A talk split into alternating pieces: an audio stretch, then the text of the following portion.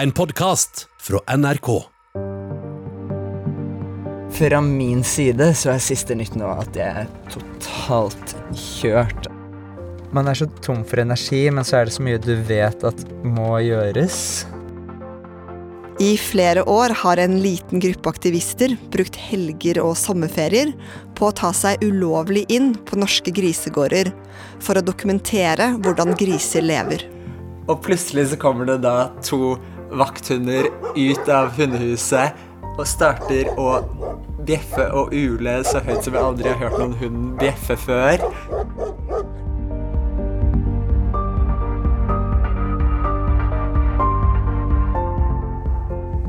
Hva koster det å være aktivist? Er det verdt all innsatsen? Jeg heter Heidi Røneid. Du hører på Aktivistene, del to av tre. Jeg har selv vært aktiv dyreverner og har venner i miljøet. Men nå vil jeg som journalist fortelle om det å være aktivist. Jeg har fulgt en liten gruppe aktivister fra Nettverk for dyrs frihet. De tar seg ulovlig inn på norske grisegårder for å filme hvordan dyra har det. Men så velger de å legge prosjektet på is. Fordi en annen dyreverner filmer med skjult kamera i grisenæringen. Jeg spurte oss senere på dagen skal vi avlive. Hvis jeg rekker, men han gjorde det aldri. Opptakene til den andre dyreverneren, Norunn Haugen, vekker stor oppsikt i Brennpunkt-dokumentaren 'Griseindustriens hemmeligheter'. Og så så jeg litt opp meg, og hun klarte ikke å reise seg. Så hun ligger der og dør da, bare fordi han ikke gidder å hente en boltpistol.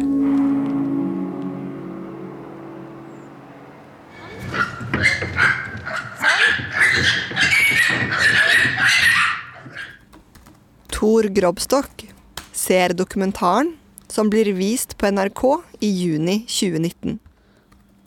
Det er jo helt vanvittig at noen kan, kan tenke sånn om dyr, og at de kan gjøre det. De ville aldri gjort det med et menneske eller med et kjæledyr. De ville ikke latt hunden sin ligge og lide i hjel, men en gris er det greit med, og det er sikkert for at de har så mange av dem at du du får ikke noe sånn individforhold til dem. De blir til ting, til produksjonsgjenstander. Og da er det ikke så viktig om de lider litt, for at de, man tenker ikke over at de har følelser. Det vi ser her, det er jo, noe, det er jo et funn som vi ikke har vært klar over. Lars Petter Bartnes, som er leder i Bondelaget og representant for grisenæringen, blir intervjuet på Dagsrevyen. Eh, dette skal vi ta på fullt alvor og ettergå. Hva betyr det når man tar det på fullt alvor? Nei, Det betyr først og fremst at uh, i Norges Bondelag og jordbruket så kommer vi til å sette dyrevelferd enda høyere på dagsordenen enn det vi har gjort så langt. For aktivistene betyr det Bondelaget sier, enda mer jobb. Vi skal ut på Fermer også nå sommeren 2019 for å se en siste gang funker de tiltakene de påstår at de setter inn, eller er det bare et spill for galleriet. Hva gjør dere hvis det viser seg at alt har blitt fint? Det hadde jo vært fantastisk hvis det vi fant ut var at alt har blitt fint, men det tviler jeg sterkt på. De har jo tidligere også påstått at de har satt inn tiltak. Senest nå etter dokumentaren så har de sagt at nei, både i 2016, 2017 og 2018 så har vi satt inn masse tiltak for å bedre dyrevelferden, og det vi har funnet i 2016, 2017 og 2018 er jo akkurat de samme forholdene, så vi har ikke noe tro på at de tiltakene nå plutselig skal fungere.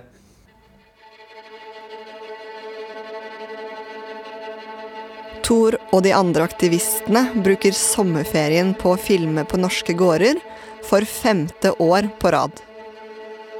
Nå har jo filmingen på sommeren nesten blitt en tradisjon. Men det er jo fortsatt ikke kult å gå inn i fjøsene og se dyr som har det jævlig, og så måtte forlate dem igjen. Men samtidig så blir man litt avstumpet. Man har sett så mange dyr som lever under disse forholdene, og det skal veldig mye til for å sjokkere meg nå.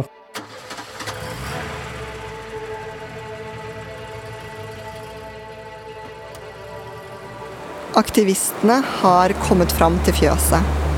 De tar på seg beskyttelsesutstyr idet de går inn pga. smittevern. Det ligger en madrass inne på kontoret Så vi er litt stressa for at det egentlig skal bo noen der. Eh, noen som sover i fjøset. I det første rommet de kommer til, er det mange purker som holder på å føde. Og de ligger i disse sykt små bingene. Det var så trist, for at det, det lå masse døde spedgriser rundt omkring som ikke var ryddet bort. Så eh, de levende søsknene drev og kravlet omkring oppå sine døde brødre og søstre. Det var flere unger som sleit litt med å leve. De, du så at det var svake unger, og vi hadde litt sånn dilemma og diskuterte litt om vi skulle hjelpe de ungene og prøve å liksom få liv i dem, og, eller om vi skulle la dem dø. Hva ender dere med å gjøre? Vi ender jo med å hjelpe spedgrisene, varme dem og hjelpe dem fram til eh, purka, sånn at de får i seg melk og sånt nå. Men det er en litt vond følelse innvendig også, for at du vet at du har reddet den da, men den skal leve i seks måneder i en betongbinge, og så skal den slaktes. Etter at de har vært inne i fjøset i mange timer og filmet og tatt bilder, tar de av seg beskyttelsesdrakten på vei ut av fjøset. De andre går mot bilen for å skifte til rene klær, men Thor vil bare ta en liten runde på gården for å se om det er flere fjøs de bør dokumentere. Og så kommer jeg ned en bakke og lyser i den som ser ut som en innhegning. Jeg tenkte kanskje Oi, har de grisene ute, faktisk? Og så ser jeg et hundehus med to lysende øyne som stirrer rett på meg. Og plutselig så kommer det da to vakthunder ut av hundehuset og starter å bjeffe og ule så høyt som jeg aldri har hørt noen hund bjeffe før. Det er grytidlig om morgenen, og i huset rett ved siden av ligger bonden og sover.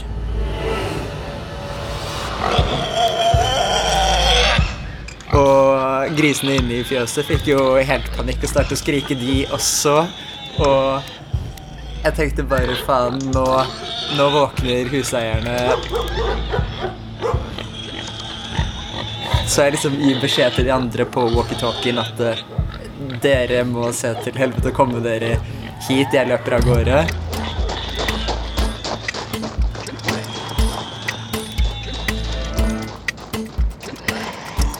Det var dårlig dekning, så de hørte nesten ikke hva jeg sa, men de ble stressa. Thor løper opp på hovedveien, gjemmer seg bak en busk og begynner å rive av seg klærne.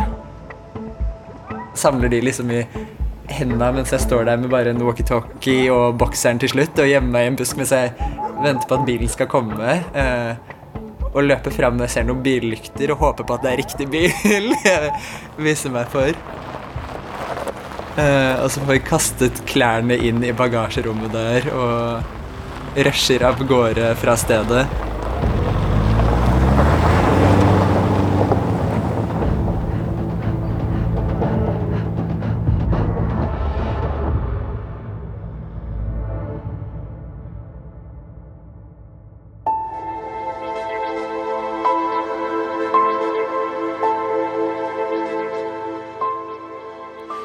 Høsten 2019.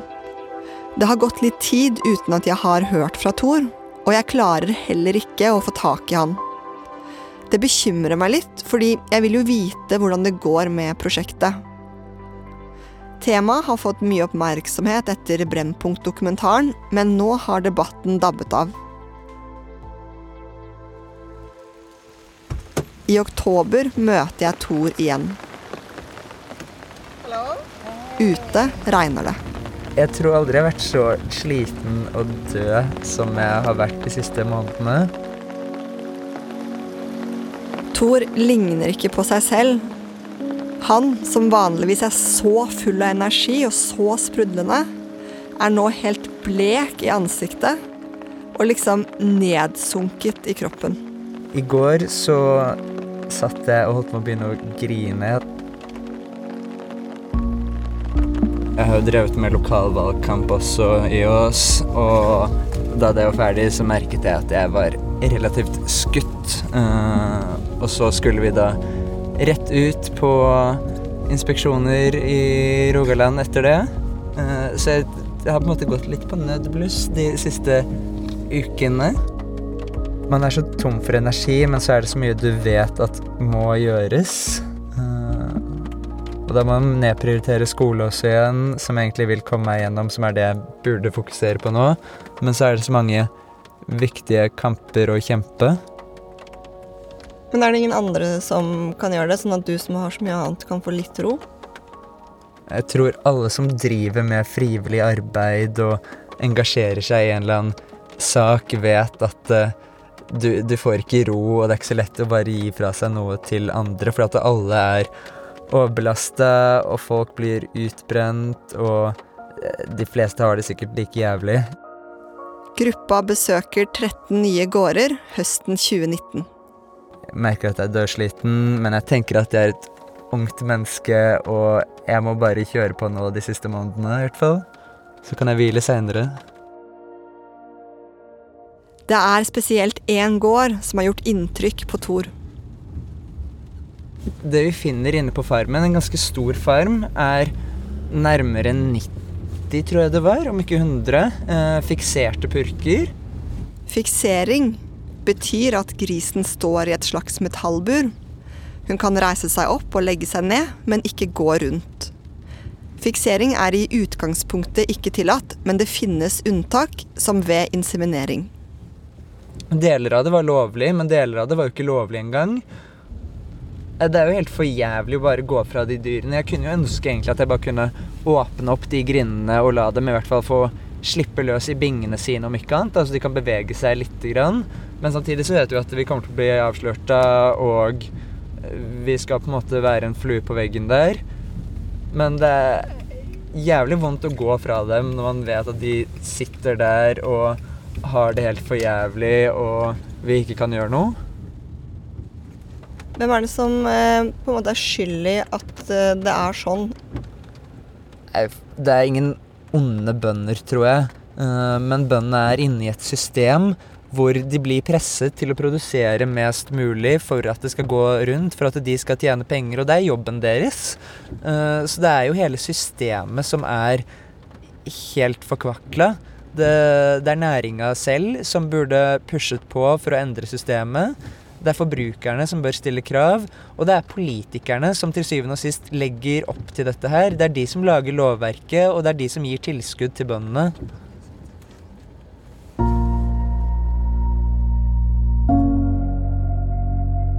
Prosjektet begynner også å tære på resten av gruppa. Mange av de som var med i starten, er ikke med lenger. Og de som er igjen, har fått enda mer å gjøre. Hallo! Mange hundre timer med opptak skal gjennomgås og sorteres. November 2019. Jeg drar hjem til Elin Malmedal. Elin har flyttet fra studenthybelen på Bjølsen til en toroms øst i Oslo. Så har det vært en litt vanskelig vår for meg med samlivsbrudd og dødsfall i familien, bl.a. Sånn at det ble, det ble litt uh, for lite fokus på prosjektet for min del. Så da endte jeg opp med å si opp jobben nå i høst, sånn at jeg skulle få tid til å gå gjennom alt av materialet. Elin har sagt opp jobben sin for å drive med dette prosjektet. Nå sitter hun åtte timer hver dag og ser på bildene de har tatt av griser i norske fjøs. Det gjør vondt å se på lamme griser som drar seg etter forbeinet gjennom uh, tjukt lag med avføring. Uh, jeg ser uh, griser som har blitt ligget i hjel av moren sin, og kadavere som ligger strødd utover hele farmen i frysere, stappa ned i tønner og bøtter. Jeg merker at jeg blir nedstemt. Det har jeg for så vidt vært siden vi starta med det prosjektet her, men men det tar litt ekstra på å sitte sånn oppi det i timevis hver dag. Siden Elin har sluttet i jobben, så tjener hun jo heller ikke noen penger. Så nå lever hun på penger hun har spart opp, som egentlig skulle gå til å kjøpe leilighet. Jeg tenker at når vi er ferdig med det prosjektet her, så skal jeg ha en liten pause fra dyrevernarbeid. For det tror jeg jeg trenger nå. Nå skal jeg ha fokus på karriere og jobb ei lita stund. Stable meg på beina litt økonomisk og uh, ja, få, få litt fri. Aktivistene har jo filmet i mange flere år enn det de egentlig hadde planlagt.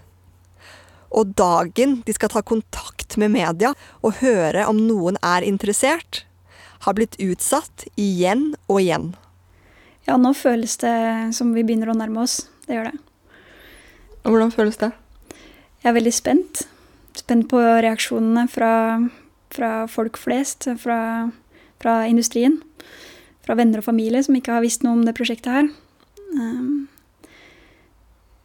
nå har det jo vært mye fokus på dyrevern generelt i media de siste månedene. Og spesielt eh, på dyrevelferd i svinenæringa. Så jeg tenker at, at, det på en måte har bana litt vei for avsløringene våre. Aktualisert det. Men på den annen side så, så kan det jo føre til at folk går litt lei òg.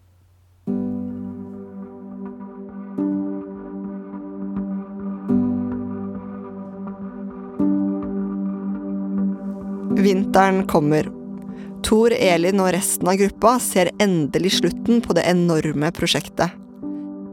De vil dra på et par siste aksjoner, og så mener de at de har nok materiale til å kontakte media. Men så skjer det noe som på nytt kaster om på alle planene.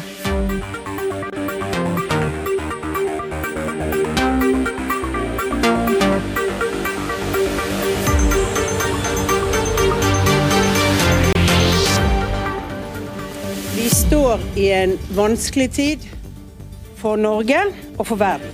Store deler av Norge stenges ned. For en time siden ble de mest drastiske tiltakene i fredstid iverksatt for å kjempe mot koronaviruset.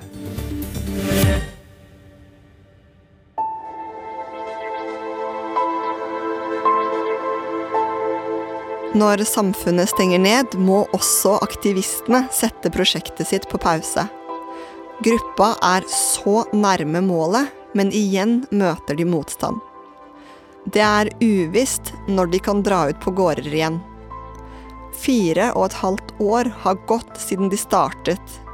Orker de mer nå?